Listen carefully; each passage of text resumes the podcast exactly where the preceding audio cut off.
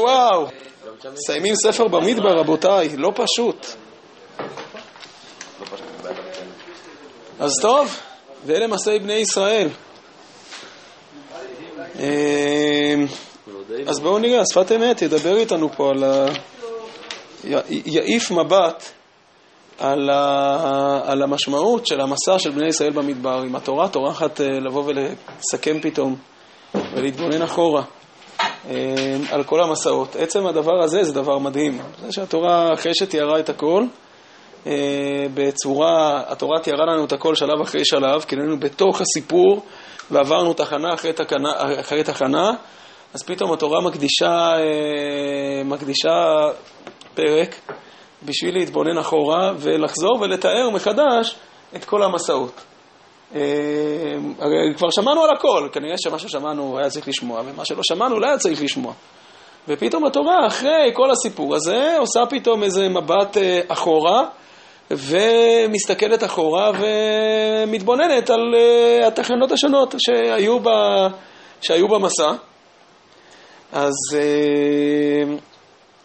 זה, זה כשלעצמו כבר אומר כנראה משהו, זה כשלעצמו מצביע על העובדה שגם אחרי שאתה אה, עובר תהליכים ואתה חי אותם אה, מבפנים ועובר אותם אה, שלב אחרי שלב מבפנים, ההסתכלות אחורה, יש בה איזה משהו שהוא כנראה לא רק סיכום של חזרה על הדברים, אלא יש פה איזשהו מבט נוסף שמוסיף משהו. דברים שרואים מכאן לא רואים משם, או דברים שרואים משם לא רואים מכאן. העובדה שאני עומד כרגע בסוף ומתבונן על, ה... מתבונן על הכל וחוזר על הכל ורואה את הכל, אה, יש בזה מבט שהוא מבט מחדש. אני יכול עכשיו לראות משהו חדש שלא ראיתי קודם. ענייני השעה. מה? ענייני השעה, סוף זמן. כן, לגמרי, זה ברור שפרשת נושא תמיד היא בזמן הדבר הזה. אה, לכן כנראה קבעו את אה, סוף הזמן אחרי פרשת מסעי. שזה בדיוק בא ואומר לנו שזה מה שאנחנו צריכים לעשות, להעיף איזשהו מבט אחורה, לראות את כל התחנות, ו, וזה לא סתם לחזור על הדברים, אלא העובדה שאני עומד בסוף ו, ורואה את כל הדברים שוב, היא, היא מחדשת משהו במבט, מחדשת משהו באפשרות שלי לחיות את מה, את מה שהיה. אה, וזה תורה, זה כנראה תורה, ההתבוננות הזאת. והשפת אמת, אה, אני חושב שוב, בהשראת הדבר הזה, שהתורה פתאום באה ומסכמת את המסעות, הוא באמת מתבונן גם כן על, אה, על המסעות של בני ישראל, מיציאת מצרים ו, ועד עכשיו, בניסיון ללמוד מה הדבר הזה, מה אנחנו יכולים ללמוד על המסע הזה של בני ישראל, לאור התיאור הזה של התורה. אז בואו נראה. אה, נראה פה כמה דברים, ככה, תוך כדי הדברים הוא, הוא, הוא מחדש אה, התבוננויות שונות בהסתכלות הזאת. אז אנחנו בעקבותיו, מסעיהם למוצאיהם. הלשונות בתחילת הפסוק, בסוף הפסוק מהופכים. כן, זו הדרשה החסידית הקלאסית. כל החסידים דורשים את חילופי הלשונות. אה, פסוק רגע, שאני לא אתבלבל, יש פה, יש שם איזה תנ"ך, תנ"ך או חומש וכולי.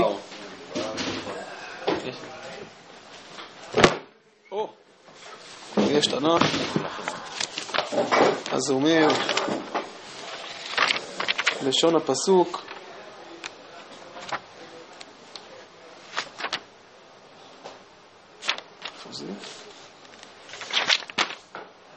אלה מסעי בני ישראל אשר יצאו מארץ מצרים לצבאותם מיד משה ואהרון, ויכתוב משה את מוצאיהם למסעיהם, על פי השם, ואלה מסעיהם למוצאיהם. אז משה כותב את מוצאיהם למסעיהם, כותב את היציאה אל המסע, ואלה מסעיהם למוצאיהם. אה, מסעיהם למוצאיהם זה כאילו הם נסעו אל נקודות המוצא, סתם, בלשון. אלה מסעיהם למוצאיהם. אז אה, השפת אמת, אה, טוב, בואו נראה איך הוא דורש את הביטוי הזה. יש לומר, כי הכתוב, תולה המסעות ביציאת מצרים. כן? אלה מסעי בני ישראל אשר יצאו מארץ מצרים לציב אותם. שפת אמת מעורר פה בעצם קושייה נוספת בפסוק. לא כל המסעות הם מיציאת מצרים. עם ישראל יצא ממצרים לסוכות, זה המסע ממצרים לסוכות. לא כל המסעות, כן, הכותרת של הפסוק, אלה מסעי בני ישראל אשר יצאו מארץ מצרים, בעצם באה ואומרת שכל המסעות הם מסעות מארץ מצרים. זה לא נכון. ממצרים, ממצרים יצאו לסוכות. אבל הכתוב תולה המסעות ביציאת מצרים. כלומר, הכתוב הזה אומר, תקשיב, כל המסעות שאתה רואה בדרך, אלה מסעות בדרך ממצרים לארץ ישראל. ועד שלא הגיעו לארץ ישראל, כנראה שלא יצאו ממצרים לגמרי.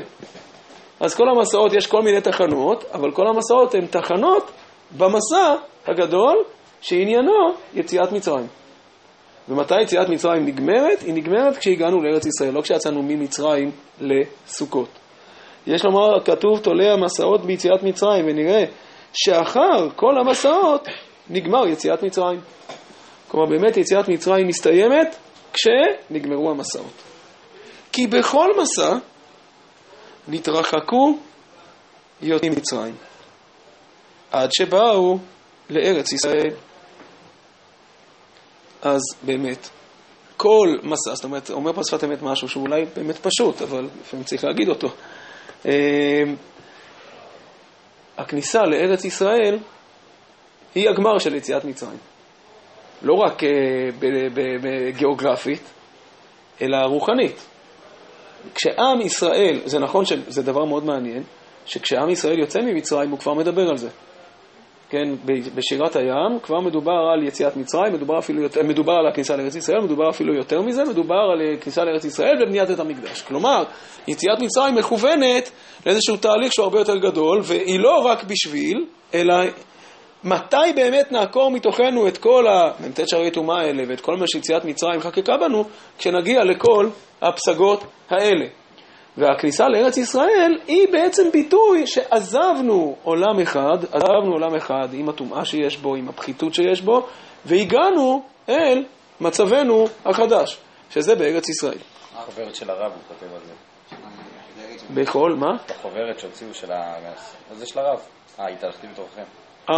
הרב כותב על זה, הוא כותב שזה אחד הביטויים זה גם זה שיש דור חדש. זה שכל העם נשאר במדבר ויש דור חדש שנכנס למצרים, כאילו יש פה באמת התחלה נקייה בכניסה על הפרשה הזאת. על מסעי. על מסעי. הוא כותב שכל זה יציאת מצרים, כאילו זה... יפה. זה עוד ביטוי לחותמת, כאילו זה גם הדור החדש שנכנס לארץ, וזה שכל דור מצרים באמת נשאר במדבר. שפת אמת קיבל לדעת גדולים, יגידו לו את זה באמת. ברוח הקודש, אולי המערב יגיד על זה. מה? אז יפה. אז אתה אומר, הרב אמר ספסיימס. יפה מאוד. כי בכל מסע נתרחקו יותר ממצרים עד שבאו לארץ ישראל. וצריך, יפה. אז זה כותרת ראשונה שאומר לנו, שהוא בעצם אה, אה, חוזר אל הפסוק הראשון בפרשה, שיצאו מארץ מצרים, זה הנקודה. עכשיו הוא מוסיף פה עוד משהו שעומד מאחורי זה. זאת אומרת, קומה ראשונה, כל התהליך וכל היציאה וכל המסע הגדול לארץ ישראל הוא בעצם מסע לצאת ממצרים לגמרי ולהתקרב אל ארץ ישראל. אומר השפת אמת עכשיו, ומה המשמעות של לצאת ממצרים ולהיכנס לארץ ישראל? איזה משמעות יש לזה? אז הוא אומר, וצריך להיות הרצון של האדם בפרישתו מגשמיות, כדי להידבק בהשם יתברך, שיוכל להיות בר לבב. אומר השפת אמת, היציאה ממצרים זה בעצם הפרישה מהגשמיות. הכניסה לארץ ישראל זה הכניסה אל, ה, אל הקדושה, הכניסה אל הקדוש ברוך הוא. הדבקות בקדוש ברוך הוא. עכשיו, אומר פה השפת אמת, כשהתורה באה ואומרת לי שבני ישראל יצאו מארץ מצרים ונסעו לארץ ישראל. היא אומרת לי גם שעד שלא הגיעו לארץ ישראל לא נשלמה יציאת מצרים, זה קומה א', אבל היא אומרת לי גם עוד דבר. היא אומרת לי, אין דבר כזה לצאת ממצרים אם לא בשביל להגיע לארץ ישראל. מה זאת אומרת? יציאה ממצרים, אני אומר עוד פעם, זה בעצם הפרישה מהגשמיות, זה הפרישה מכל המקומות הנמוכים בעולם. אומר השפת אמת, הפרישה מכל המקומות הנמוכים בעולם היא לא, היא לא סתם כדי לא להיות חומרי, ולא סתם אנחנו באים ואומרים שאנחנו מואסים בחומריות, אלא אנחנו מואסים בחומריות לא מצד עצמו, אלא בגלל שאנחנו רוצים את הקדוש ברוך הוא. זה מה שהוא מוסיף פה. צריך להיות הרצון של האדם בפרישתו מגשמיות כדי להידבק בהשם יתברך, שיוכל להיות בר לבב. אבל לא מצד שנבזה בעיניו הגשמיות. מה גרם לנו לצאת ממצרים? לא העובדה שאנחנו, הגשמיות היא דבר נבזה, פחות, שצריך להתרחק ממנו מצד עצמו. אלא רצינו קרבת השם, והרגשנו שיש כאן איזו נקודה מונעת, שזה הגשמיות, כמו שאנחנו חיים אותה עכשיו. ולכן יצאנו מהגשמיות. ואין לנו עניין, זה הדגש פה, כן? לא מצד שנבזה בעיניו הגשמיות, האמירה האלוקית היא לא תמאס בגשמיות, תפרוש מגשמיות, תבטל את העולם הזה מצד עצמו. אלא האמירה האלוקית היא, תתקרב אליי. נכון, בתור תחנת ביניים אתה צריך אולי לפרוש מגשמיות, אבל אין אמירה בתורה שאומרת, צא מהגשמיות ותשאיר את העולם הזה של הגשמיות מחוץ לך לגמרי. זה נראה דווקא שזה, שאולי זה לא אמירה בפירוש, אבל ברור ש... כאילו, אם, אם זה על אותו ציר שככל שמתרחקים מהגשמיות, אז מתקרבים לקדוש ברוך הוא, אז גם אם לא אומרים לך צא מהגשמיות כי היא גשמיות, אבל צא מהגשמיות כדי להתקרב להשם, זה עדיין שתי דברים שהם סותרים, כי זה לא... בוא, בוא, בוא נראה מה הוא זה. הוא אומר, לכן, קודם כל הוא בא ואומר, לא, אז הוא בא ואומר לך, קודם כל, לכן אני לא אומר לך, צא ממצרים וזהו, תימאס לגשמיות וזהו. אלא אני אומר לך, תתקרב אל הקדוש ברוך הוא. אבל זה גם אומר, אבל אם זה לא תצא. אז בואו נראה את המבנה השלם. אבל לא מצד שנבזה בעיניו הגשמיות. ולכך נתן השם יתברך חן לגשמיות, כדי שיהיה מעשה האדם רק לשם שמיים. כלומר, זה דבר מאוד מעניין, אומר השפת אמת, למה הקדוש ברוך הוא עשה את הגשמיות מושכת? מושכת, לא רק מושכת, מושכת, עם חן, חן זה לא רק להגיד מושכת, כי מושכת זה יכול להיות סתם תאוות נמוכות. עם חן, שאתה רואה בזה דברים טובים, זה מוצא חן, יש, יש שם משהו. אז תמיד אפשר לומר, כן, ברור, הקדוש ברוך הוא רצה לנסות את האדם, וזה לא יהיה ניסיון, אלא אם כן אתה תהיה שייך לעולם גשמי שהוא מושך. אבל השפת אמת אומר שלא. הקדוש ברוך הוא נתן חן לגשמיות, כי הוא באמת רצה שאתה תמצא חן בגשמיות. הוא רצה שאתה ת, תרגיש שיש שם משהו. אם זה יהיה דבר מאוס, אתה לא תרגיש שיש שם משהו. הוא נתן לזה חן כי הוא רצה שהאדם אה, ירצה להישאר קרוב לזה. שאדם יראה שיש שם דברים שמושכים אותו, כדי שהוא יישאר בקשר עם זה. למה? כדי שיהיה מעשה האדם. רק לשם שמיים. זאת אומרת, הוא רצה שאתה תמצא את האפשרות שאתה לא תרצה לוותר על זה. הוא נתן לזה חן כדי שאדם לא, שלא ימצא חן בעיני האדם לוותר על זה, שהוא ירגיש שהוא מוותר על משהו יקר. למה? כדי שאדם יישאר, יחפש את המקומות שבהם הוא כן יכול להישאר קשור לזה, ולחבר את זה לשאיפה החדשה שלו, לשם שמיים. וזה מוצאיהם למעשיהם. מוצאיהם למעשיהם אני מבין שהוא הוא, הוא מתכוון להגיד, אתה, אתה לא יצאת מזה, אלא הם יצאו מזה בשביל לנסוע לזה, בשביל לחזור לזה, אם אני קורא נכון את הדרשה, איך הוא קורא את מוצאיהם למסעיהם. יש לכם רעיון אחר. המוצא היא למטרת המסע. כן, כלומר, אתה יוצא מזה בשביל שתוכל לנסוע אל הקדוש ברוך הוא, ואני מבין שהוא רוצה להשלים לנו, וסוף הפסוק הוא לא כותב, כן? סוף הפסוק זה תנועה חזרה. ולמסעיהם, למוצאיהם, הם יצאו ממשהו כדי לנסוע לקדוש ברוך הוא, ואחרי שהם נסעו לקדוש ברוך הוא, הם גילו שהם נוסעים אל הדבר שממנו הם יצאו, אל הגשמיות. כלומר, אז, וזהו מצאיהם למסעיהם. ואחר כך, אולי זה גם קצת רק שנייה, אחר כך, כפי מה שנושא האדם, הוא מתקרב להשם יתברך, נגמר ההוצאה שהפריש עצמו מגשמיות, אתה כבר לא צריך להפריש את עצמך מגשמיות יותר. כלומר, כשהאדם בונה בעצמו את הנסיעה אל הקדוש ברוך הוא, את ההליכה אחרי השם, את ההתקרבות אליו, אז עכשיו אתה לא שומע את הקול הזה שאומר תפרעוש, אלא הפוך. וכל אחד מהם מסייע לשני, כנ"ל, ואז, זה מה שכתוב בסוף הפסוק, מסעיהם הם למוצאיהם. הוא מגלה שהוא נוסע אל הדברים שמהם הוא יצא, פתאום הוא נוסע אל הגשמיות. למה? כי הוא מגלה שעכשיו הגשמיות היא לא דבר מונע, אלא היא דבר מסייע. אז... כל אחד מסייע לשני, זה נראה דווקא ש... ככל שאתה מתרחק יותר, יותר ככה גם להתרחק כל. כל אחד מסייע לשני. למה? להתרחק? לתחנה הבאה. התחנה הבאה, שמה? מתרחקים מירושלים, ממצרים, מתקרבים לארץ ישראל. הקדוש ברוך הוא, זה כל אחד מהם מסייע לשני, כאילו ככה... לא, נגמר ההוצאה שהפריש עצמו, וכל אחד מהם מסייע לשני כנ"ל. אז כל פעם אתה עובר שלב, אתה פורש מהגשמיות. אז מה מסייע? השלב הבא הוא כבר יותר קל, כי כבר התחלת לפרוש מהגשמיות. כל אחד מהם מסייע לשני, כל תחנה היא מסייעת לתחנה הבאה, להתרחק. לא, אבל זה לא מה ש... ואחר כך לפי מה שנושא האדם, הוא מתקרב להשם יתברך, נגמר ההוצאה שהפריש עצמו מהגשמיות. זהו. כבר לא צריך להיות בתנועה של פרישה, אלא כל אחד מהם מסייע לשני.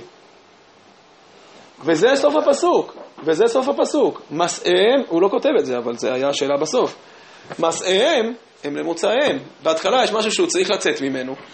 הוא צריך לצאת ממנו, הוא צריך לצאת מהגשמיות לא מצד עצמה, אלא כדי לאפשר לעצמו את המסע, כדי לאפשר לעצמו את, את ההליכה אחרי השם. כשהוא שקוע בהתחלה בגשמיות, הוא לא יכול לשמוע את הקול הזה. הוא לא יכול לשמוע את הקול הזה. הוא לא יכול לשמוע את הקול הזה, הוא לא יכול לשמוע את הקולות הרוחניים האלה, כי יש דבר אחד שתופס את החיים שלו, שתופס את האופק של החיים שלנו, הוא קובע מה טוב, מה לא טוב, זה לא מאפשר לנו בכלל שבן אדם באמת שקוע בתרבות גשמית, אז העולם הרוחני גם לא מרגש אותו, גם לא נוגע בו, זה לא מדבר אליו. ו... ו... והוא זקוק ל... ל... לחופש, הוא זקוק לצ... לקבל חופש מהעולם הזה כדי, ל... ל... לא, בגלל... לא בגלל גנותו, אלא בגלל שכרגע הוא לא מאפשר לאדם בכלל להיפתח, לשמוע קולות רוחניים ולשמוע שיש אופק אחר למציאות. אז היציאה ממצרים היא בשביל באמת להיפתח לזה, שיש לעולם אופק אחר ועומקים אחרים, שכשאתה נמצא שקוע בתוך עולם גשמי אתה בכלל לא יכול לתת לאישיות שלך מגע איתם. אין שום אפשרות להקשיב אליהם, אין שום אפשרות שהם ידברו אליך בכלל. אחרי שהם מדברים אליך והם מושכים אותך ואתה מתקשר אליהם, אז זה מה שהוא אומר, נגמר ההוצאה של פריש עצמו בגשמיות, הוא יכול עכשיו לחזור בביטחון גם אל העולם הגשמי ולגלות שגם בו עצמו הוא מוצא ערך ומוצא תוכן והפוך, והוא לא חוסם עכשיו, הוא בונה את העולם הרוחני והעולם הרוחני בונה אותו. אז המסע הראשון הוא באמת יציאה מגשמיות. יוצא, מוצאיהם למסעיהם, הוא צריך לצאת בשביל לנסוע. אני שומע דווקא כן עדיין את אריאל. והמסע השני הוא מסעיהם למוצאיהם, אלה הדברים שמהם הוא יצא, הוא חוזר עכשיו. מה אתה שומע? את אותו, שהוא כאילו, מה שהוא מצייר, יש פה איזה ציר של קל רע וטוב, ומצרים וארץ ישראל. ואתה יכול להיות, בכל מקרה התנועה שלך לכיוון ארץ ישראל היא תהיה או תנועה של אני בורח ממצרים או תנועה של אני רץ אל השם יתברך, לארץ ישראל. ואז זו שאלה של איפה אתה מגדיר את זה, אז ברור שנקודת המוצא שלך צריכה להיות אני בורח ממצרים, כאילו אתה לא בעמדה לא נפשית. אתם רואים את זה בסוף. אני אומר, זה מוצאים למעשיהם. וגם אחר כך מסייע לשני, הכוונה גם כשאני רץ מהטעם של השם יתברך, ברור שאני עדיין פורש ממצרים. אני עדיין בורח ממצרים. אבל נגמר ההוצאה שהפריש עצמו מגשמיות. נכון. נגמר, הוא כבר לא בתנועה הזאת. התנועה הזאת. התנועה הזאת, תנועה שאני רץ להשם יתברך, שהיא עדיין בורחת ממצרים. היא עושה את אותו דבר, היא רצה לאותו כיוון. היא פשוט לא קוראת בשם של אני בורח ממצרים, אלא בשם של אני רץ להשם יתברך. אומר שלא צריך לברוח ממצרים. כאילו זה בכלל לא צריך את עצמה. אבל לא מצד שני, זה בין הרשמיות. לא, זה כדי להגיע למצב שבו הוא באמת לא בורח, אלא שהוא רץ להשם יתברך, שכל התנועה שלו היא לא, אבל זה לא מה שהוא היא לא. בריחה מ... מגשמיות. היא- אבל לא מצד שנבזה בעיניו הגשמיות, זה ולכן, ולכן נתן השם יתברך חן לגשמיות. נכון. למה? כדי ש... מה? כדי שהתנועה הזאת שאני קורא לה בריחה ממצרים תהפוך מתישהו בשבילי לתנועה של ריצה אל השם יתברך. אבל זה לא מה שהוא כותב, כדי שיהיה מעשה? האדם לשם שמיים. נכון. לא שהתנועה בריחה. שלו לא תהיה תנועה של לברוח מהגשמיות, אלא תנועה של לשם שמיים. שמה? שהיא עושה את אותו דבר כמו לברוח מהגשמיות. שתיהן באותו כיוון, הן רצות לאותו כיוון. הם לא בורחים מהגשמיות, זה בדיוק הפוך. אבל הוא אומר, הוא נתן חן לעולם הגשמי, כדי שתהיה קשור אליו. לשם שמיים. חופשית, לא. זה לא מה שכתוב פה. זה לא מה שכתוב. זה לא מה שכתוב. יש מקומות שהוא יכול לכתוב ככה, זה לא מה שכתוב פה. שיהיה מעשה האדם רק לשם שמיים. של- מצד זה שכשהוא יודע שהוא מתגבר על הגשמיות, אז הוא עושה לשם שמיים. רבו ישראל, שתהיו לי בריאים. טוב. גם כשבן אדם כותב משהו, עוד אפשר אה, זה, טוב, אז אה, וכולי, אין לי מה להגיד. זה גם, זה גם מה? אפשר להיות מחקריים קצת. אפשר להיות מחקריים אתה קצת. יודע, גורים פורשים, כאילו, הם אה, פורשים. פורשים, נראה לי בפשטות, ברור שיותר קל להגיד ש... טוב, קודם כל יש שאלה מה זה גור ויש שאלה מה כתוב בשפת אמת, ויש שאלה אם בשפת אמת של גור של. היום זה השפת אמת של פעם, זאת שאלה אחת, אם אתה כבר רוצה להיות מחקרי ממש. זה שנים ראשונות של שפת אה, אם אתה רוצה להיות מחקרי יותר בשפת אמת, זה נכון שבשנים הראשונות של השפת אמת קצת מפתיע למצוא כזאת פסקה. עדיין היא כאן. ברוך השם, עדיין היא כאן. לא, לא, עדיין היא כאן, זה, זה מה שיפה בה, שהיא כאן, שרואים שהשנים האחרונות של השפת אמת כבר היו קיימות באיזשהו מקום בשנים הראשונות. זה, זה יפה מאוד, אם אתה רוצה להיות מחקרי. קיצר, אנחנו לא רוצים להיות מחקריים, ולכן פשוט נקרא אותה בלי להיות מחקריים ונסתפק בזה מה שכתוב בה. הלאה, טוב, יפה. בסדר. גם וגם. אה, זה גם וגם, שום בעיה, זה גם וגם. הלאה.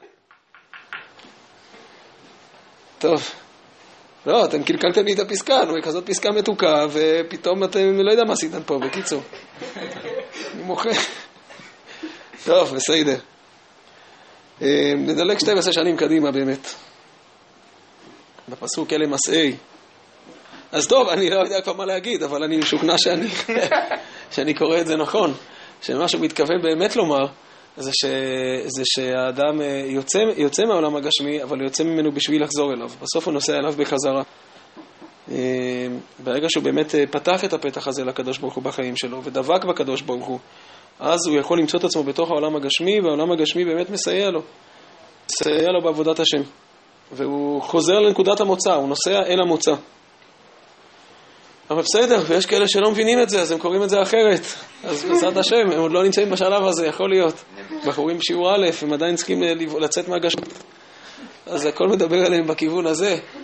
אז בסדר, יש אה, כמה קריאות פה בשפת אמת, 70 פנים בשפת אמת כנראה. תרמ"ה, בסדר. בפסוק, אלה, מה? אפשר, אפשר להגיד הפוך שמה? ש... הפוך ממה? כבר אמרו פה הפוך. מה?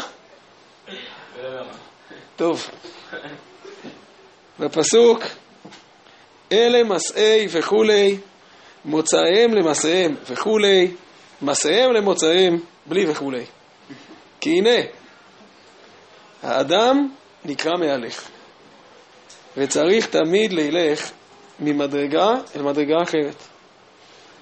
ואותן הגדולים שבדור המדבר הלכו תמיד ממסע למסע. זה כשלעצמו דבר מאוד יפה. זאת אומרת, אומר השפת אמת, האדם, האדם נמצא במסע. האדם בא לעולם למסע. כאילו, למה באת לעולם? באת לעולם להליכה. אלה מסעי בני ישראל, הוא רוצה להגיד, תדע לך, זה כותרת, זה כותרת לתורה, זה כותרת לחיים. אלה מסעי בני ישראל. אם באת לעולם, באת למסע, באת לעבור מתחנה לתחנה, באת לעבור מעולם לעולם. יש רב צדוק מפורסם. למה הוא מפורסם? כי אני מזכיר אותו הרבה. לא, הוא רב צדוק מפורסם. רב צדוק מפורסם מאוד על, אה, בפרי צדיק על, אה, על פרשת וילך, שמשה רבנו אומר, בין 120 אנוכי היום לא אוכל עוד לצאת ולבוא. אומר, לא אוכל עוד לצאת ולבוא ממדרגה למדרגה. ולכן, אני צריך למות. כאילו, באתי לעולם בשביל להיכנס למדרגה ולצאת ממדרגה. כל התנועה של אדם בעולם היא שהוא בא ויוצא מעולם לעולם, ממדרגה למדרגה, מתחנה לתחנה. אה, לצאת ולבוא, הוא נכנס למדרגה, נופל ממנה, זה רב צדוק מדבר עכשיו הרבה מאוד על נפילות. הוא אומר, אדם מגיע למדרגה, נכנס אליה ויוצא ממנה, נופל ממנה. ונכנס למדרגה אחרת ונופל ממנה. זה התנועה של בן אדם בעולם. תנועה של אה, עלייה וירידה, עלייה וירידה, עלייה וירידה. אומר משה רבינו, לא אוכל עוד לצאת לעבור. אין לי יותר ירידות בחיים, אומר משה רבינו. אני רואה שאני כבר קבוע במקום אחד. אני לא יכול לצאת ולבוא יותר. זה גם אין לי לאן להתקדם, אבל אין לי לאן להתקדם, זה גם, אין לי יותר מלחמות. אין לי יותר מלחמות, אין לי יותר נפילות. כנראה שעשיתי את מה ש... כנראה שהמסע שלי נגמר. אה, זהו, ומשה רבנו מסתלק. אז, אה, אז שפת אמת פה אומר דבר דומה, האדם נקרא מהלך, וצריך תמיד ללך ממדרגה למדרגה אחרת. רש"י אומר הפוך על הפסוק, לא? שהיה להם דווקא מעט מסעות, שזה מה שבפסוק. אה, שזה בא להראות לך שב-40 שנה הם לא נסעו הרבה. כן. טוב, מעניין, נכון. אז מה אתה רוצה להגיד? שהם לא הלכו הרבה. לא, בכל זאת הלכו הרבה, אבל לא הלכו המון. ואותן הגדולים שבדור המדבר הלכו תמיד ממסע למסע.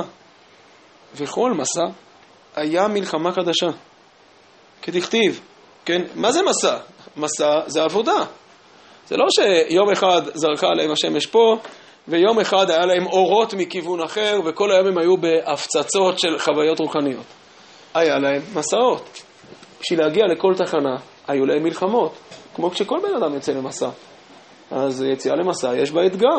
יש בה אתגר, יש בה, אתה מעמיד את עצמך במבחן, אה, אתה עוזב כל מיני מקומות בטוחים, אתה אורז צידה לדרך.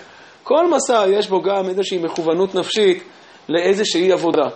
שזה גם מה שהופך אותו להרפתקה, וזה גם מה שהופך אותו למשהו שמעורר באמת את הגילויים ואת מה שבאמת מתרחש בו.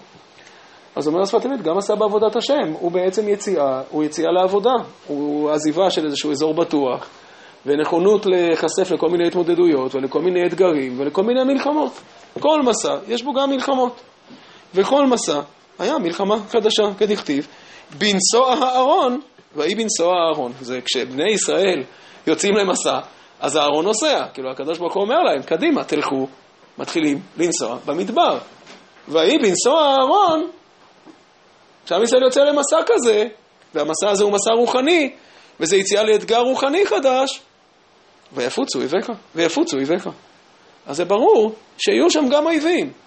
האויבים האלה יכולים להיות אויבים חיצוניים, אבל הם בעצם מה שמאפשר לנו לחשוף את האויבים הפנימיים, להתגבר, הם, גם האויבים החיצוניים הם משהו שעוזר לנו לגלות את הכוחות שלנו, לגלות בתוכנו אה, אה, פינות חדשות שלא הכרנו, לגלות, אה, לגלות משאבים שלא ידענו עליהם, בין אם זה נמצא בתוכנו, בין אם זה נמצא מסביבנו, וזה יכול להיות האויבים הפנימיים שמכניעים אותנו.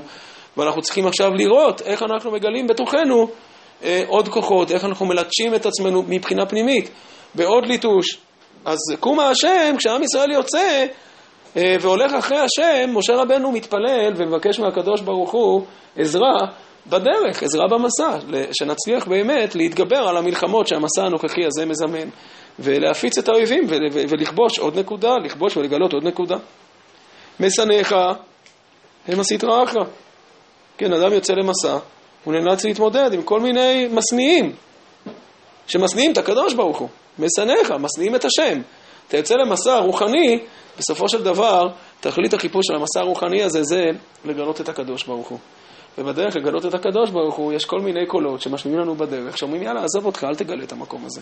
זה לא שווה את זה, זה לא כדאי, אה, זה לא שווה את הסיכון שאתה לוקח. אה, משניאים את הקדוש ברוך הוא, אה, הם יכולים סתם לייאש, והם יכולים להגיד, תעזוב, הקדוש ברוך הוא לא שווה את המחיר הזה, הם לא אומרים את זה ככה. אבל הם אומרים, יש דברים אחרים שיותר שווים.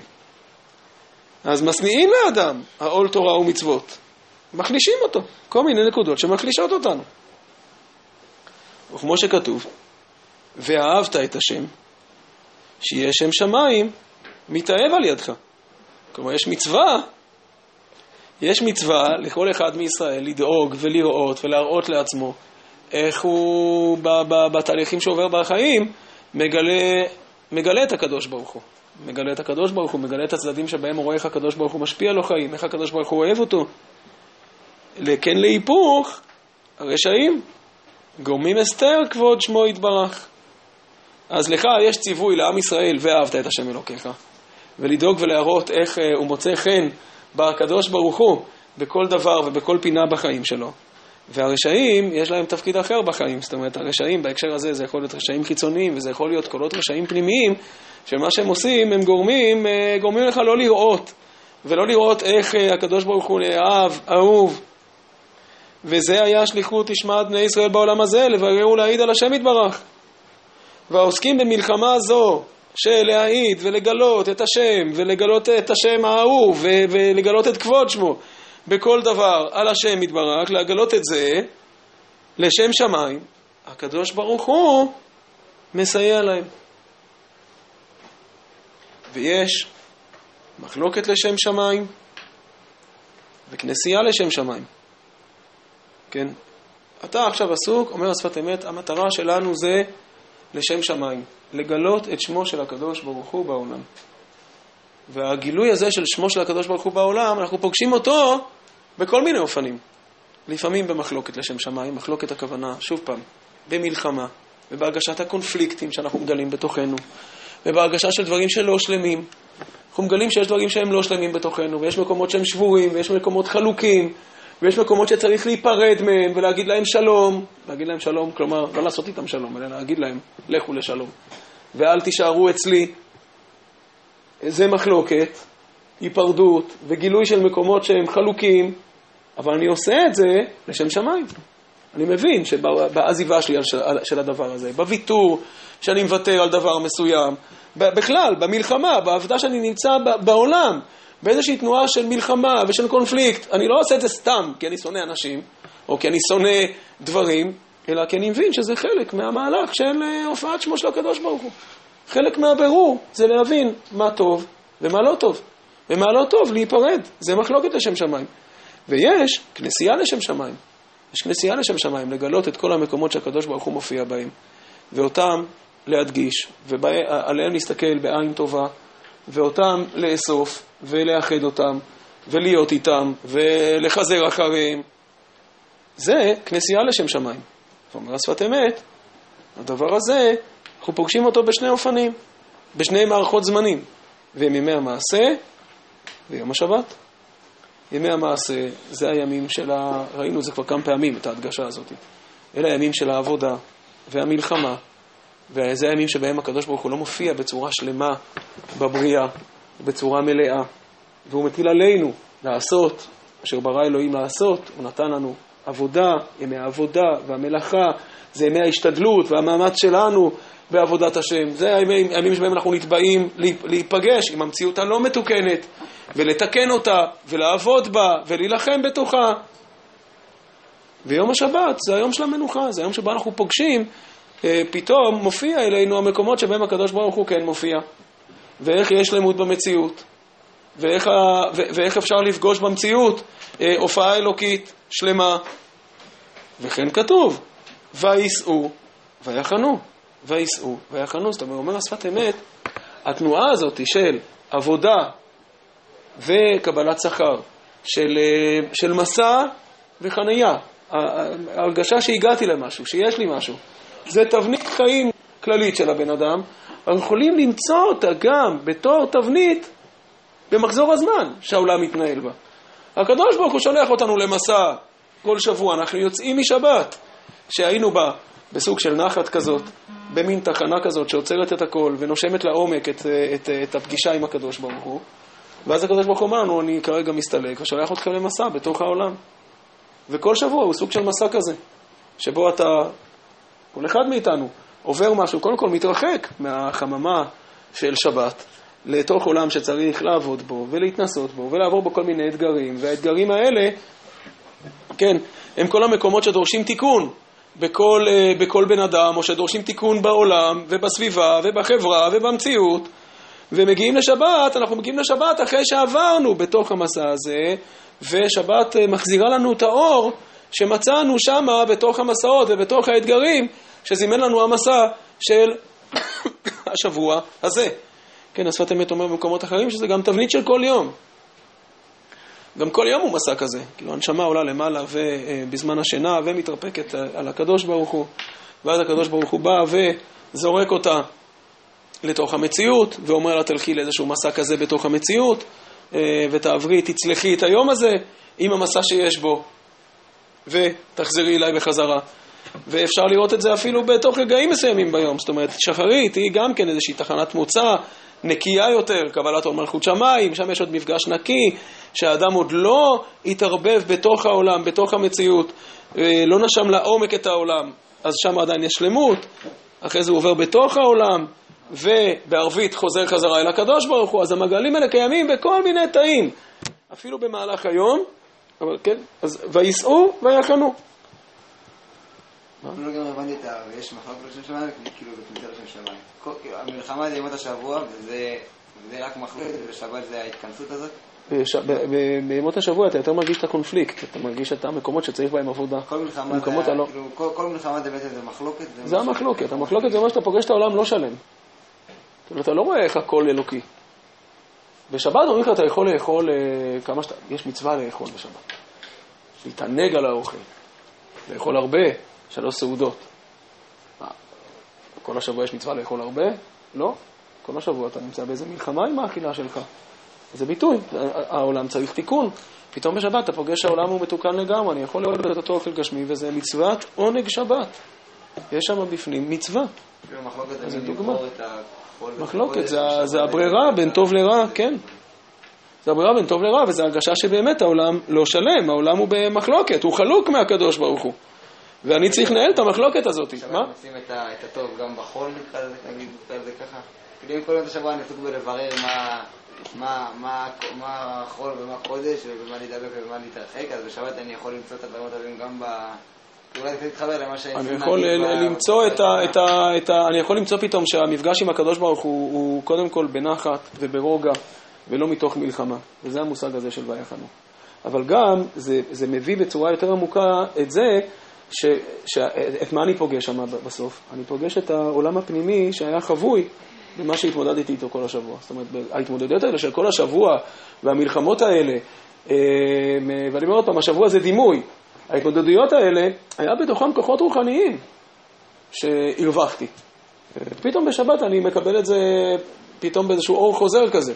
זה האורות הרוחניים שהיו שם בתוך, ה, בתוך ההתמודדויות. זה מה שהרב הסביר בפסקה הקודמת, שבהתחלה מתרחקים אה, בשביל ה... זה דומה, זה, זה ציר דומה. אחרי שתרחקנו אפשר גם לחזור ולראות את זה ציר דומה. אז מה אתה אומר? זה מוכיח שצדקתי. אני בכל מקרה צדקתי. ברור. אה, לא, אבל זה גם מוכיח. למה? בימות השבוע מחלוקת שם שמיים בשבת, הרב. הבנתי. אוקיי, בסדר. אה, בסדר, נשאיר את זה מחלוקת לשם שמיים אבל. ואם מעשה ביום השבת, וכן כתוב וייסעו ויחנו, וייסעו ויחנו. כן, אז תמיד אחרי המסע תהיה חנייה, ואחרי החנייה יהיה מסע. וכמו הנון שבתות השנה, שבוודאי בכל שבוע צריך להיות מלחמה חדשה. כן, אם, אם לא היה, אם לא היה בכל שבוע עניין מצד עצמו, אז לא היו 50 שבתות, אומר השפת אמת. 50 שבתות, 50 שבועות בשנה, נבראו 50 שבועות, כמו שנבראים 50 אנשים. אם זה אותו בן אדם, הוא לא נברא 50 פעמים, הוא נברא פעם אחת. השפת אמת פשוט מתרגם את זה, אז גם בזמן, גם לזמן יש נשמה, גם לזמן יש אופי, גם לזמן יש פרצוף. אם יש שבוע, יש לו פרשה מסוימת, ויש לו אור מסוים, אז לכן הוא נברא. עם האור הזה, עם, ה, עם הנקודה הזאת, צריכה להופיע מתוכו. אז יש 50 שבתות לשנה, כי יש 50 אה, פרצופים שונים של זמן בשנה. שבוודאי בכל שבוע צריך להיות מלחמה חדשה. ואחר כך, בשבת קודש, מנוחה וכנסייה לשם שמיים. כמו שכתוב, ובנוחו יאמר, כן, כשהוא יוצא למלחמה, כשהוא יוצא למסע, אז ויפוצו אויביך. ובנוחו יאמר, שובה השם, רבבות אלפי ישראל. כאילו, אתה רואה שפתאום יש יפוצו, שם יש יפוצו אויביך, זה המחלוקת, מתפזרים, אבל בנוחו יש תנועה של כינוס, של כינוס, של אספה. שובה השם, אתה מחזיר אותם, רבבות אלפי ישראל.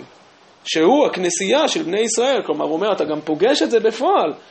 זה לא סתם שבני ישראל מתכנסים בשבת, זה שבני ישראל פוגשים אחד את השני בשבת, זה שנאספים בבתי הכנסת בשבת, זה הכל חלק מאותה תנועה של שיבה אל השם, של כינוס, של חזרה של כל הנפוצים והנידחים פנימה, לפגוש את השלמות, לפגוש את, ה, לפגוש את האחד, לפגוש את זה שבסוף יש כאן אה, כל מיני נקודות שחוזרות ומתחברות, מתחברות אחת לשנייה בכלל, מתחברות אחת לשנייה בתוכנו, כל מיני אזורים שהיינו בהם חוזרים פתאום, ואנחנו פתאום מקבלים איזה פרצוף ותמונה יותר שלמה, זה המושג של הכנסייה, פתאום אנחנו רואים שיש אחדות, יש סדר לכל המהלך הזה שעברנו בתוכו. אה, שבאמת, אם אתם שמים לב, הגנוז פה גם איזשהו עולם של תשובה, זאת אומרת, יש פה תנועה של התרחקות, הליכה למסע שכאילו, של חיפוש, ובסוף חזרה אל הקדוש ברוך הוא. אנחנו כאילו אוספים את כל התחנות האלה שעברנו בהן, ומחזירים את כל המהלכים האלה חזרה אל הקדוש ברוך הוא, ומגלים שהיה מאחורי הקלעים איזה משהו. אז זו תנועה של תשובה, כאילו הלכנו לאיזשהו מקום שהיה נראה רחוק, ופתאום אנחנו חוזרים לגלות שהוא בעצם היה קרוב. אה, היה, היה משהו מאחורי זה. אה, אז החזרנו בעצם בתשובה, החזרנו בחזרה את העולם, את העולם עם כל המקומות שעברנו בו, חזרה אל הקדוש ברוך הוא. וכן לעולם הצדיקים אין להם מנוחה. כדכתיב, ילכו מחיל אל חיל. דרשו חז"ל מבית המדרש לבית הכנסת, מבית הכנסת לבית המדרש. זאת אומרת, צדיקים כל הזמן הולכים מתחנה לתחנה, מנקודה לנקודה, ממדרגה רוחנית אחת לעבודה רוחנית אחרת. וכפי מלחמות האדם להיות טהור, שלא להידבק באבלי עולם, כן זוכה אחר כך למנוחה ולהתקרבות לקדושה. וכמו כן, כפי התקרבות האדם להידבק בתורה ומצוות, זוכה לטהרה. שימו לב, כן? שוב פעם. אדם עמל, זה יש פה שוב פעם תנועה מלמטה למעלה, מלמעלה למטה. אדם עובד להיטהר, כיוון שעובד להיטהר, זה מאפשר לו איזשהו מפגש עם התורה. נפגש עם התורה, זה עוזר לו אחרי זה לחזור למציאות ולהיות יותר טהור. אז בהתחלה יש תנועה של טהרה שמבקשת לצאת מהמציאות, להתקרב אל הקדושה. הוא זוכה להתקרב אל הקדושה. הקדושה עצמה מסייעת לו להיות יותר טהור. וזהו מצאיהם למסעיהם, מסעיהם למוצאיהם. וכן לעולם אלה הדרכים, אין להם הפסק. יפה. מה נלמד עכשיו? טוב, יש לנו זמן מאוד אחד. אז בואו נתקדם, תרמז, תרמח. אמ, במדרש, נחית נוטריקון, נחית כצאן עמך ביד משה ואהרון. המדרש מביא את הפסוק הזה ודורש אותו בכמה אופנים. אז בהתחלה הוא דורש שנחית זה נוטריקון, הוא דורש שם ראשי תיבות, אני לא זוכר בדיוק מה. אמ,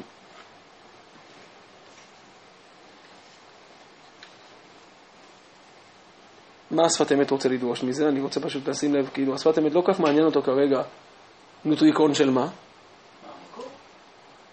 במדרש רע במסעי לדעתי אות ב' או ג'.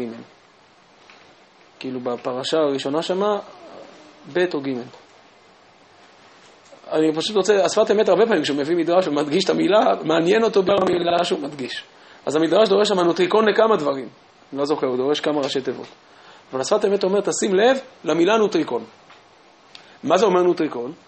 זה אומר, מה זה אומר ראשי תיבות? זה אומר שאתה פוגש מילה, ואתה לא רואה, אתה רואה רק את המעטה החיצוני של העומק שנמצא בתוכה. כלומר, זה בעצם אומר שיש מילה מסוימת, שמכילה בתוכה רבדים נוספים של עומק. אתה קורא מילה, מה? אתה יכול להקריא, אבל זה לא משנה. תקריא. נחית כצאן עמך ביד משה ואהרון, מנחית מפרקון הוא נחית. רבי אליעזר אומר, ניסים עשית עמהם, חיים נתת להם, ים קראת להם, תורה נתת להם. יפה, אז ניסים עשית להם, חיים נתת להם, ים קראת לפניהם, תורה נתת להם. אז מה זה נחית? נחית זה כאילו, זה נורא יפה. נחית זה, הובלת את עם ישראל, כאילו, אחרי משה ואהרון. אבל עכשיו תראה שבתוך המילה נחית גנוזות המון תחנות שבני ישראל זכו להם בתוך המסע הזה אחרי משה ואהרון. כן, היה שם ניסים, חיים, קריעת ים סוף, תורה, זה כל מיני תחנות רוחניות שעם ישראל עבר, ניסים יציאת מצרים, אחרי זה אה, קריעת ים סוף, מתן תורה. עכשיו, בשפת אמת מה הוא רוצה להגיד? הוא אומר, תראה, יש פה מילה, ובתוך המילה גנוזות מילים נוספות. עומקים נוספים שאתה לא רואה. אז בואו נראה. הרמז הוא, כי המסעות שכתב משה רבנו עליו השלום על פי השם, על פי השם הוא, שבמדבר קנו בני ישראל כולל המקומות לדורות. כלומר, זה לא סתם שמשה רבנו אומר את המסעות האלה, אלא הוא אומר זה ביטוי לתחנות רוחניות. זה לא רק מקומות, אלא זה כל מיני מקומות רוחניים שבני ישראל עברו דרכם. המסע של בני ישראל הוא מסע פיזי, אבל הוא מסע גם רוחני, וכשבני ישראל עשו מסע, הם הגיעו לתחנה, הם תיקנו אותה, וברגע שהמקום הזה נתקן, יש פה כבר כוח, אוצר, חיים לדורות. שבני ישראל בעצם הנחילו פה, הם השאירו פה איזושהי תורה. ו- וההתמודדויות הרוחניות האלה, יכול, הם, הם כבר עשו שם, הם רכשו איזשהו עולם, והעולם הזה הפך להיות כוח רוחני שמשרת אותנו. וכל הדרכים שהיו מסוכנים ומשוקעים תחת הסטרה האחרא, ובהליכת בני ישראל נתיישרו, זאת אומרת, זה כל מיני אה, מקומות רוחניים, התמודדויות רוחניות, שבני ישראל עברו אותם וזיכו אותנו עכשיו, שהכוחות האלה הם כבר חלק מאיתנו. וזהו שאומר המדרש, כי לא הוצרכו לברוח וכולי. מה זאת אומרת? פירוש, שיש מלחמה וישועה לשעה, שהיו מסוכנים, והשם יתברך הציל אותם, וזה נקרא בריחה. כלומר, מה זה לברוח? לברוח זה אומר, עברת פה וניצלת. יש להינצל ממשהו. אבל כשניצלתי ממשהו, זה עוד לא הפך להיות, אז אני אומר, היה משהו שאיים עליי, ברוך השם הוא לא פגע בי. אבל בני ישראל לא ברחו. כי לברוח זה אומר, בסדר, הדבר הזה כרגע לא פגע בי, והצלחתי להינצל ממנו, אבל האיום העקרוני נשאר. אבל העובדה שאני לא בורח, ואני מסוגל להתמודד עם זה, זה אומר שהדבר הזה כבר לא מאיים עליי יותר. המדרש אומר, בני ישראל לא, לא ברחו. כי לברוח זה אומר, ניצלתי, אבל אין לי עדיין חוסן פנימי שהתגבר על הדבר הזה. האיום קיים. אבל השם יתברך בכל מלחמותיהם לא ברחו, אלא עשה מזה סדר ותיקון מיוחד לדורות, שלא בדרך בריחה. כלומר, עם ישראל הסתכל על מצרים, נגיד, בעיניים, וראה אותם טובים. הם לא ברחו. הסתובבו, ומשה רבנו אומר להם, תסתכלו עליהם, כאשר ראיתם את מצרים היום, לא תוסיפו לראותם עוד עד עולם. זהו. המצרים כבר לא מאיימת עליכם. לא רק ניצלתם ממצרים, התגברתם על מצרים. בניתם בעצמכם קומה רוחנית שמצרים כבר לא מאיימת עליה. הקדוש ברוך הוא מהליך את בני ישראל במדבר, הוא לא רק אומר להם בואו נחצה את המדבר, נגיע לארץ ישראל, אלא בואו נעבור תהליך רוחני במדבר, שבו המדבר, עם כל המקומות וכל המקומות הרוחניים הבעייתיים שבו, כבר לא יאיים עליכם, כי אתם מצליחים לבנות בתוככם קומה רוחנית, שהמקומות האלה כבר לא מאיימים עליה. וזהו שנאמר נחית, שהקדוש ברוך הוא הפך להם מדברות למקום מנוחה. כלומר, עם ישראל היה במדבר לא מאוים, הוא הולך שם בנחת, בכוח ניסים ונפלאות שעשה עמהם. וזהו שאמר שהוא נוטריקון. למה נוטריקון? עוד פעם, כי זה, כי זה היה שם ברמז, זה היה טמון שם, זה לא היה על פני השטח. נוטריקון, אתם נחית במדבר, אבל המנוחה במדבר הייתה נסתרת, כי לא היה מקום מנוחה נגלית מצד עצמה. זה היה נוטריקון, זה היה סמוי מתחת לפני השטח, ראשי תיבות. והקדושה הייתה מסותרת, והם הוציאו מכוח אל הפועל הרמזים. כלומר, עם ישראל עובר במקומות שבמבט ראשון לא רואים מה טמון בהם, ומצליחים להרגיש את העומק הרוחני שיש בהם, ולחלץ מהמקום הזה את העומק הרוחני שקיים בו. ולהוציא את הרמזים שנמצאים שם, ונצוצות קדושה שהיה טמון שם. ועשו מזה סדר, ויישוב, וזהו, נחית.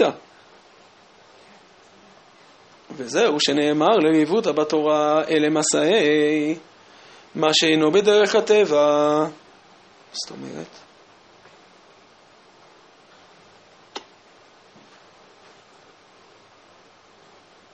לא הבנתי את המשפט. וזהו שנאמר לריבותא בתורה, אלה מסעי וכולי, מה שאינו בדרך הטבע. למה זה לא בדרך הטבע?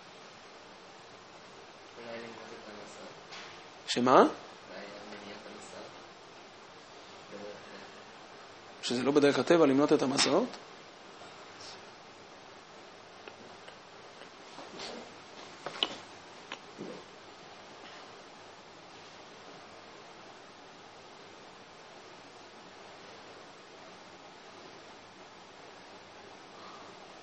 לא יודע, לא ברור. לא יודע. ותלה הקדוש ברוך הוא מסעות אלו ביציאת מצרים. הוא חוזר למה שראינו ממש ממש בהתחלה, אבל הוא מוסיף פה עוד איזה עומק. כמו שכתוב, אלה מסעי. כן, הוא אמר לנו עכשיו, תדע לך, המסעות האלה, מה שהוסיף לנו פה השפת אמת, שזה לא רק תחנות של בני ישראל ביציאת מצרים, אלא עם ישראל ביציאת מצרים עבר תהליך ובעצם יצק לתוך הנפש שלנו את כל הכוחות שזכינו בהם בהליכה שמה. ולכן הוא אומר, תלה הקדוש ברוך הוא מסעות אלו ביציאת מצרים, כמו שכתוב עליהם מסעי וכולי, שיצאו מארץ מצרים, לומר, כמו שיציאת מצרים הייתה הכנה לכל הצרות מדלת מלכויות. כל אלה המסעות היו הכנה לדורות. הוא אומר, כמו שהגלות מצרים, עם מה שקורה בה, היא הכנה לכל הדלת גלויות, יציאת מצרים, עם כל מה שכרוך בה, והליכה אחר כך, זה הכנה לצעידה של כל ישראל לאורך כל הדורות שלהם. בכל המסעות שעם ישראל יצטרך לעבור, איזשהו מסע, את העולמות הפנימיים שכבר אנחנו יכולים להשתמש בהם, נטעו בנו שם ביציאת מצרים. וכמו שהיה בכלל ישראל, כן כל פרט צריך לעבור כל התיקונים מיציאת מצרים. אז עם ישראל עובר בגדול ביציאת מצרים, בקטן, ועם ישראל אחרי זה צריך לעבור בגדול לאורך כל ההיסטוריה שלו.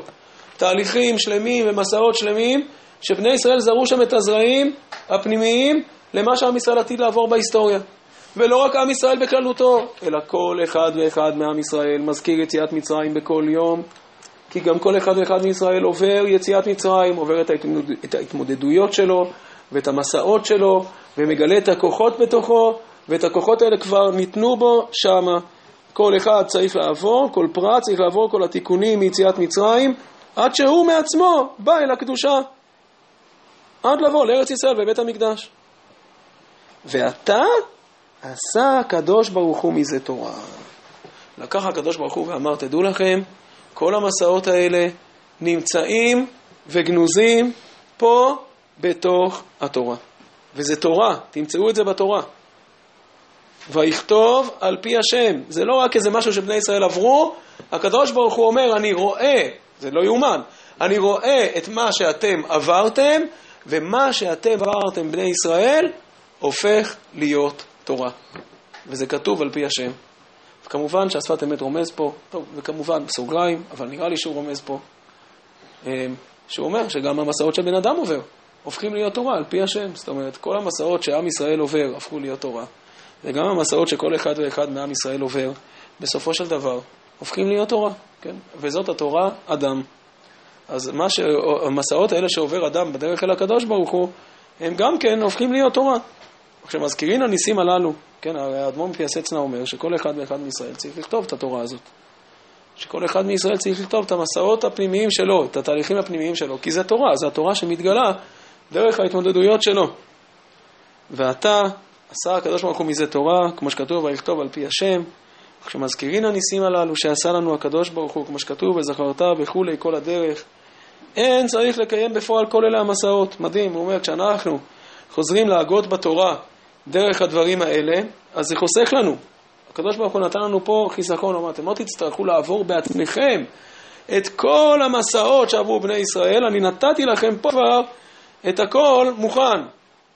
לכן כתוב, ולא אמרו איה השם וכולי המוליך אותנו במדבר. למה? שאילו היו זוכרים בזה, היו ניצולים. אם עם ישראל היה זוכר את מי שאת המסעות ואת התהליכים הרוחניים היה חי אותם, את מה שהקדוש ברוך הוא העביר את בני ישראל במצרים, זה היה חוסך לו הרבה מאוד צרות אחר כך.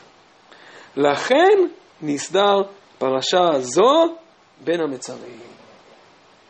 כן, בין המצרים, בין המצרים שלנו. כשאנחנו נמצאים בתוך הצרות שלנו, בתוך הגלויות שלנו, בתוך המסעות שלנו, בזמן שאנחנו נמצאים ועוברים, כן, עוברים בימי בין המצרים שלנו, את הגלות שלנו, וצריכים לחלט ממנה, אומר לנו הקדוש ברוך הוא, בואו תעיינו, תיפגשו עם הכוחות האלה שעם ישראל כבר הנחיל, כדי שנזכור בניסים, ובזה נזכה לישועה, שנגלה את הכוחות שיש בתוכנו, ובזה נזכה לישועה. יישר כוח גדול.